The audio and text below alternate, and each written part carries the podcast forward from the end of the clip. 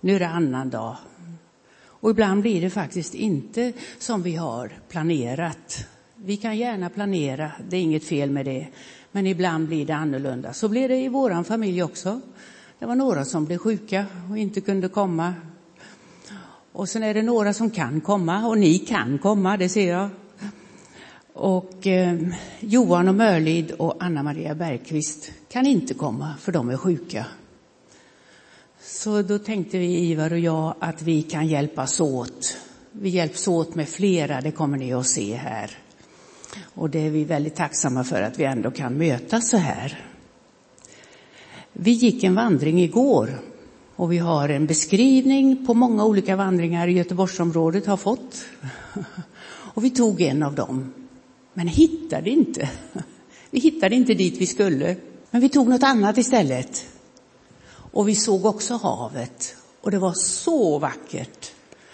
Och det är så våra resor ibland kan se ut. Det blir något annat istället. Men det kan också bli väldigt fint och Guds närvaro är väldigt fin i sin skapelse och här. Och Guds närvaro är här. Och det får vi alltid räkna med. Det ändrar sig inte. Herre, jag tackar dig att vi får vara här. Du ser att det är olika här. Människor är sjuka över hela vår värld och i vårt land. Jag ber dig för dem just nu. Tack för att du kom till vår värld just för detta. Att vara med i de enklaste förhållanden, i alla förhållanden. Och att vi kan räkna med att du är här. Det prisar jag dig för. Amen. Jesu födelse kantas av lovsång. Det får bli liksom temat för den här enkla predikan. Vi ska helt enkelt eh, läsa de eh, lovsånger som eh, står i Lukas evangelium. Man undrar varför det är en hel del berättelser som bara finns i Lukas evangelium och det handlar om Jesu födelse och barndom. Eh, Lukas var ju ingen av Jesu lärjungar direkt, så han måste ha fått reda på det här på något sätt. Och då tänker eh, många bibelforskare att han har intervjuat Maria, Jesu mor. Och där har han fått eh, de här berättelserna som han sedan har skrivit i sitt evangelium. Och det är ju berättelser om hur ängeln kommer till Maria och säger att hon ska föda Guds son. Det finns bara i Lukas evangelium. Och julevangeliet känner vi ju till. Och Marias lovsång som vi ska lyssna till. Och berättelsen om eh, Johannes födelse, han som blev Johannes döparen, som var den som gick före Jesus, finns också i Lukas evangelium. Och berättelsen om hur Jesus bärs fram i templet, först vid omskärelsen när han är åtta dagar och sen eh, efter, när han är 40 dagar så bärs han ju också fram enligt den eh, eh, tradition som de har, judarna. Och där vi då också möter änkan Hanna som har levt i templet och är 84 år gammal och profeten Symeon och hans lovsång. Eh, Sakarias lovsång har vi också. Sakarias är Johannes döparens far. Eh, och den ska vi också få lyssna till. Så jag vill bara ge denna bakgrund, eh, varför Lukas skriver det här. Han har suttit hos Maria och fått det här berättat. Och då har vi fått den berättelsen. Det står ju så i eh, julevangeliet att Maria tog allt till sitt hjärta och begrundade det. Så hon hade verkligen lagt det på minnet. Så här har vi inte Lukas ögonvittnesskildringar utan Marias. Det var bakgrunden. Och eh, vi ska först läsa Marias lovsång. Inga ska komma fram. Jag vill bara ge en liten bakgrund där också. Maria möter sin eh, släkting Elisabet. Det är hon som ska bli mor till Johannes döparen. Då är eh, Elisabet i sjätte månaden. Och eh, Maria har just fått reda på att hon är gravid och ska föda Guds son. Och då åker hon till Elisabet för att prata lite mammor emellan kanske. Och, men mötet är väldigt speciellt. För då känner Elisabet eh, Johannes i moderlivet hur han sparkar och blir, liksom lever upp. Och då kommer hon säkert ihåg att hon har fått höra en gång att hennes barn ska fyllas av den heliga ande redan i moderlivet.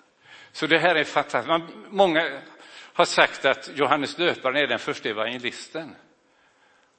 Det är han som berättar om Jesus redan innan de är födda i moderlivet.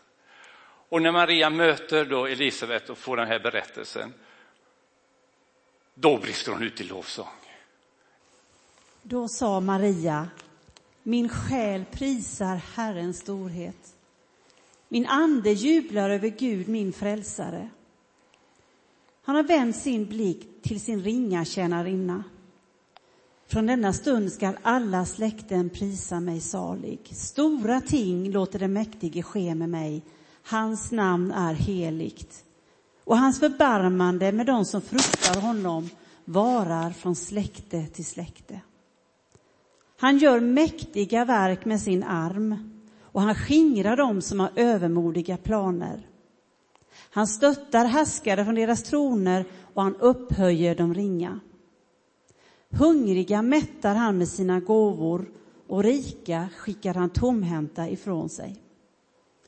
Han tar sig an sin tjänare Israel och håller sitt löfte till våra fäder att förbarma sig över Abraham och hans barn till evig tid. Amen. Så när man lyssnar eh, till en sån här lovsång, jag läste de här i, igår kväll som förberedelse också för idag, så är det ju vissa ord som talar till en speciellt. Så ni får ta detta till era hjärtan. Jag tänker speciellt på det här med att Gud kommer till de ringa, de svaga, de utsatta. Ungefär som Ulla berättade här. Vi får ju denna känslan hela tiden när vi jobbar med light. Och eh, de som är mätta, de som upplever sig som rättfärdiga, de som inte har något behov, de får gå tomhänta därifrån. För Gud ser till behovets barn. Så jag hoppas att vi alla kan känna att vi har behov av ett gudsmöte. Vi har behov av det Jesus vill ge oss. Det är också starkt tycker jag att det står att Gud förbarmar sig över sina barn till evig tid. Det betyder att vi är med vänner, vi i Mölndal 2021, vi är med.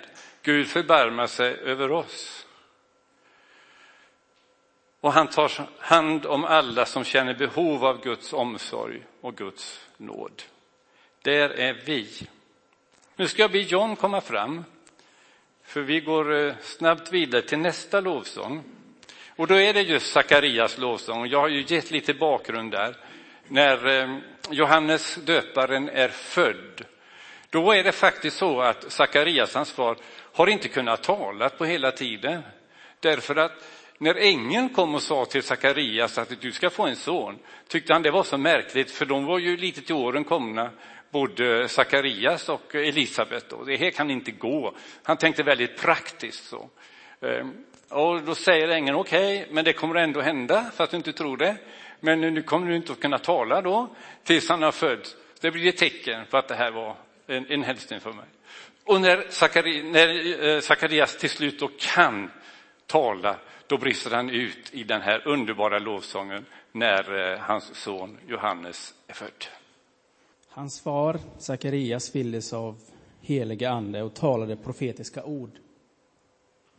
Välsignad är Herren, Israels Gud, som besöker sitt folk och ger det frihet. Han reser för oss frälsningens horn i sin tjänare Davids släkt så som han för länge sedan lovat genom sina heliga profeter. Frälsning från våra fiender och alla som hatar oss. Han visar barmhärtighet mot våra fäder och står fast vid sitt heliga förbund. Den ed han svor för vår fader Abraham att rycka oss ur våra fienders hand och låta oss tjäna honom utan fruktan rena och rättfärdiga inför honom i alla våra dagar. Och du, mitt barn, ska, kalla, ska kallas den högste profet, till du ska gå före Herren, bana väg för honom. Så ska hans folk få veta att frälsningen är här, med förlåtelse för våra synder genom vår Guds barmhärtighet och mildhet. Han ska komma ner till oss från höjden, en soluppgång för dem som är i mörkret och i dödens skugga och styra våra fötter in på fredens väg. Ja, det är mäktiga ord tycker jag. Och här har vi egentligen eh, ett koncentrat av evangelium i bara några få ord. Frälsningen är här med förlåtelse för våra synder genom vår Guds barmhärtighet och mildhet. Där har vi evangelium i ett nötskal, i denna profetia. Så Jesu födelse är ett stort uttryck för Guds barmhärtighet och mildhet. Sen älskar jag det här med soluppgången. Vilken beskrivning av Jesu ärende. Det är som en soluppgång. När jag gick upp i morse så hade solen ännu inte gått upp, men det var en rosa skimrande horisont. Så jag förstod, nu går solen upp och det blir vackert väder idag. Eh, det var förebådande av det som komma skall och så var det ju också med, med Jesus. Då. Det är som en soluppgång. Soluppgång är mycket hopp i det ordet, så känner jag. Det finns en eh, författare och poet, en, eh, en indier, Tagore, som fick Nobelpris i litteratur i början på 1900-talet, som har formulerat det här med hopp på ett fantastiskt sätt. Säger så här. Hoppet är den fågel som känner gryningen och sjunger medan det ännu är mörkt. Känner ni hoppet som Jesus kommer? Så om du känner eller har känt dig lite dyster och det är mörkt i ditt liv, ta, Ta vara på den soluppgång som Jesus kan ge idag. Det finns hopp. Mörkret kan skingras. Ljuset kan bryta fram, också i ditt liv. Jesus vill bli som en soluppgång även för dig.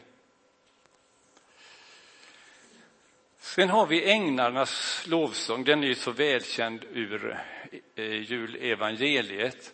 Så jag har inte, tagit, jag har inte frågat någon att läsa detta, för det, det är bara några ord, så det är inte, inte mycket att komma fram för. Så jag ska läsa det själv faktiskt. Änglarnas lovsång. Ära i höjden åt Gud och på jorden fred åt dem han har utvalt. Jag tycker det är fascinerande att änglarna sänds just till herdarna. de var på jobbet faktiskt. De hade nattpass och det hade de ofta. Jesus möter dem, eller änglarna möter dem i deras verklighet, i deras vardag, med något fantastiskt, denna lovsång. Ni vet ju att herdarna var relativt föraktat som yrke att vara herde. Det var lågt stående, lågt ansett. Och det var faktiskt så att herdarnas vittnesbörd, det räknades inte i någon, i, i, i, om, om det var någon, någon rättegång eller något sånt som man hade på den tiden i deras sätt att ta vara på det, som, som händer konflikter och så, så räknades inte herdarnas vittnesbörd. Och det är helt fantastiskt att herdarna fick vara de första som vittnade om denna historiens eh, största händelse. Det var de, de som ansågs lågt stående på något sätt. Och då tänker jag så här, det är mycket det här att han kommer till de, de fattiga, är bra. De enkla, jättebra. Får jag vara lite personlig ibland kan jag tänka så här, men jag som har gått en hel del år i skolan och kanske har några kronor på banken, vad händer? Är det för mig överhuvudtaget? Då tycker jag det är ganska härligt att vi har Matteus evangelium också. För där eh, beskrivs det ju om de här vise männen. Ibland sägs det till och med att de var kungar, det känner ni igen. De fick komma också. Och jag tycker det är fantastiskt att Gud talar till oss i den situation vi är. De som är mottagliga för ett änglabesök kan få det.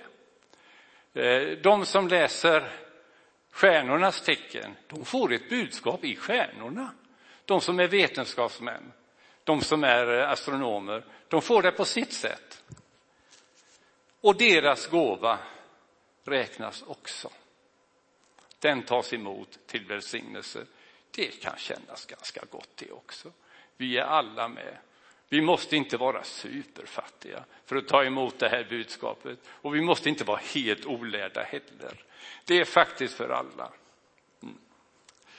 Sen har vi Simons lovsång. Nu Göran är du välkommen. Denne Simon var en som ofta kom till templet.